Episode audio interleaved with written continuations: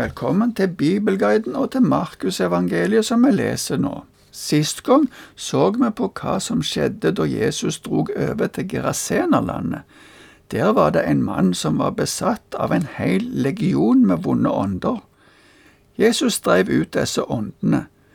Det som skjedde videre, det var at den onde ånda ba om å få komme inn i en griseflokk. Da styrta hele flokken ut over et stup og ned i sjøen. De som bodde i byen, kom da og ba Jesus dra bort. Han som hadde vært besatt, ba om å få være med, men det fikk han ikke. Vi hadde kommet til vers 21 i kapittel 5, og nå skal vi lese om det som skjedde da Jesus kom tilbake til Galilea. Vi leser hele fortellingen der i sammenheng. Det er ifra vers 21 til 43. Det handler både om Jairus som ba Jesus om å helbrede dattera hans som var syk, og om ei kvinne som var syk og som rørte ved Jesus mens han var på vei til Jairus. Da Jesus var kommet over til den andre siden igjen med båten, samlet det seg en stor folkemengde hos ham. Mens han var nede ved sjøen, kom en av synagogeforstanderne. Han het Jairus.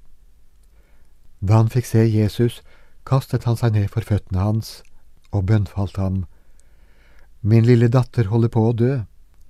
Kom og legg hendene på henne, så hun kan bli frisk og få leve. Jesus gikk med ham, fulgt av en stor folkemengde som trengte seg innpå ham. Det var en kvinne der som hadde hatt blødninger i tolv år. Hun hadde lidd mye hos mange leger. Alt hun eide, hadde hun brukt uten å bli hjulpet. Det var heller blitt verre med henne. Hun hadde fått høre om Jesus og kom nå bakfra i folkemengden og rørte ved kappen hans.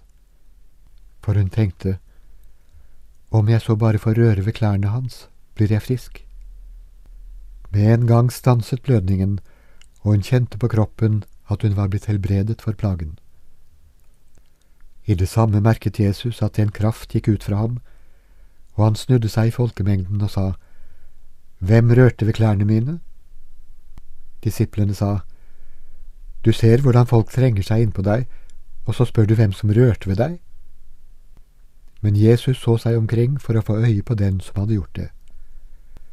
Kvinnen skalv av redsel, for hun visste hva som var skjedd med henne, og hun kom og kastet seg ned for ham og fortalte ham alt som det var. Da sa han til henne, Din tro har frelst deg, datter. Gå bort i fred. Du skal være frisk og kvitt plagen din. Mens han ennå talte, kom det folk fra synagogeforstanderens hus og sa, Din datter er død, hvorfor bryr du mesteren lenger? Jesus hørte det som ble sagt, og sa til synagogeforstanderen, Frykt ikke, bare tro. Nå lot han ingen andre følge med enn Peter, Jakob og Johannes, Jakobs bror. Da de kom til synagogeforstanderens hus, og han så alt oppstyret og folk som gråt og jamret seg, gikk han inn og sa til dem, Hvorfor støyer og gråter dere?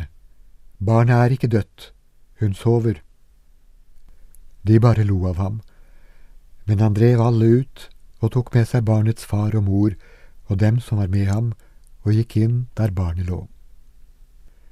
Så tok han barnet i hånden og sa, Talita kumi. Det betyr Lille jente, jeg sier deg, stå opp.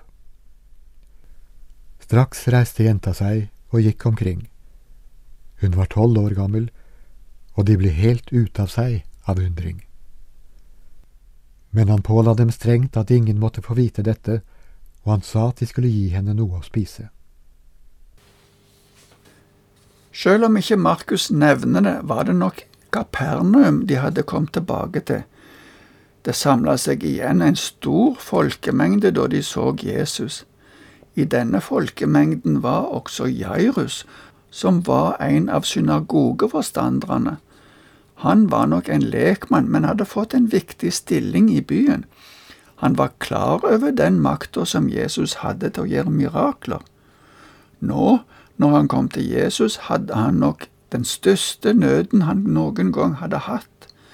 Dattera hans var alvorlig syk, og han forsto at hun holdt på å dø.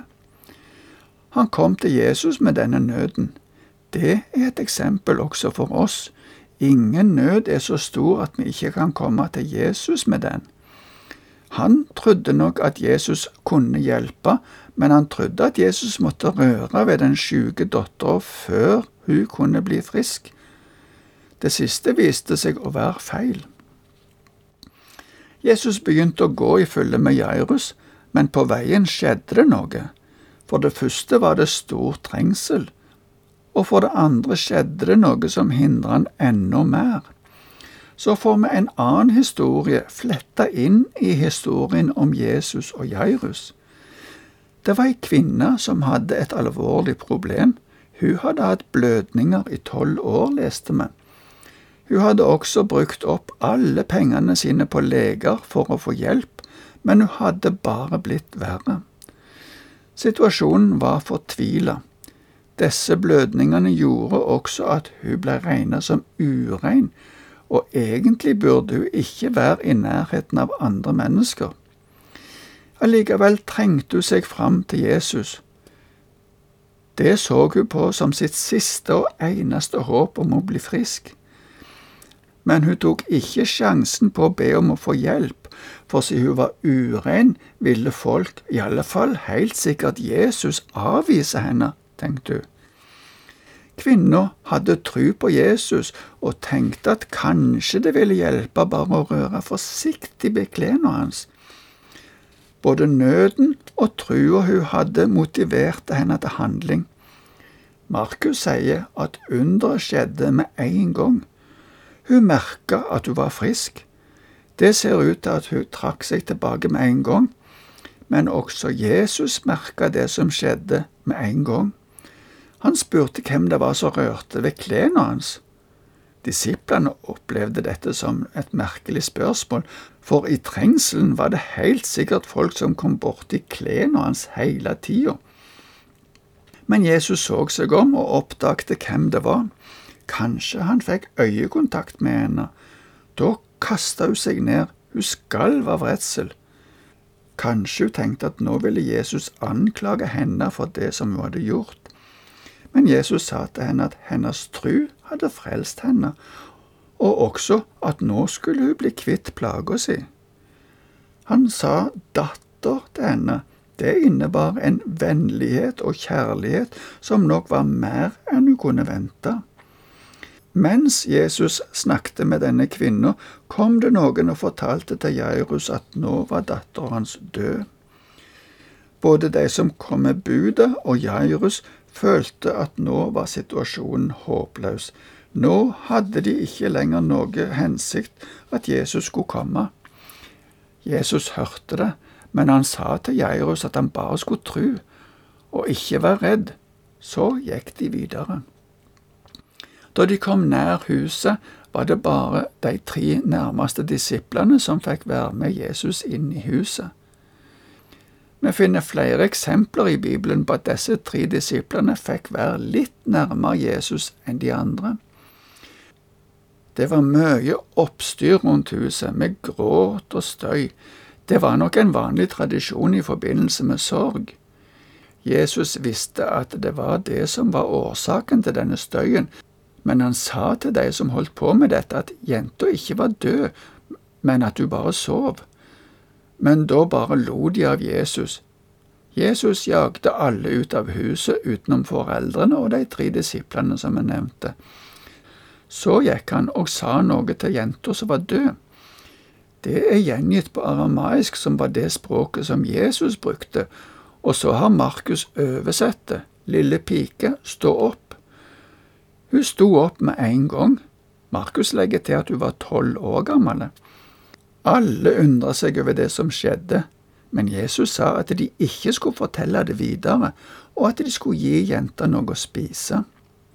Men slike store nyheter var det jo umulig å holde hemmelig. Kanskje det ga Jesus nok tid til å komme rolig ut av huset. Vi ser flere ganger at Jesus ikke ønska publisitet, for det førte til at det ble vanskeligere for han å komme rundt der han ville. Før vi slutter i dag, så skal vi ta med noen vers i begynnelsen av kapittel seks. Der står det om at Jesus ble avvist på heimstedet sitt. I dette tilfellet vil det si byen Nasaret. Noen steder ser vi at Jesus bodde i Kapernaum, men i det vi skal lese, henvises det likevel til Nasaret. La oss lese de første seks versene i kapittel seks. Han gikk derfra og kom til hjemstedet sitt, og disiplene fulgte ham. Da sabbaten kom, begynte han å undervise i synagogen. Mange som hørte ham, var slått av undring og sa, Hvor har han dette fra? Hva er det for en visdom han har fått, og slike mektige gjerninger som han gjør? Er ikke dette tømmermannen, sønn av Maria og bror til Jakob, Joses, Judas og Simon? og bor ikke søstrene hans her hos oss? Og de ble forarget og avviste ham. Men Jesus sa til dem, En profet blir ikke foraktet noe annet sted enn på hjemstedet sitt, blant sine slektninger og i sitt eget hus. Han kunne ikke gjøre noen mektig gjerning der. Han bare la hendene på noen få syke og helbredet dem. Og han undret seg over vantroen deres. Så vandret han omkring fra landsby til landsby og underviste. Folket anerkjente gjerne både Jesu visdom og hans kraftige gjerninger, men budskapet ville de ikke ta imot. At ikke Josef nevnes, kan tyde på at han var død. Brødrene trodde ikke på han, men både Jakob og Judas ble senere aktive medlemmer i menigheten. Jesus undra seg over at de ikke ville tru, så han drog derifra og drog videre fra landsby til landsby og underviste. Men nå rekker vi ikke mer i dag. Herren være med deg.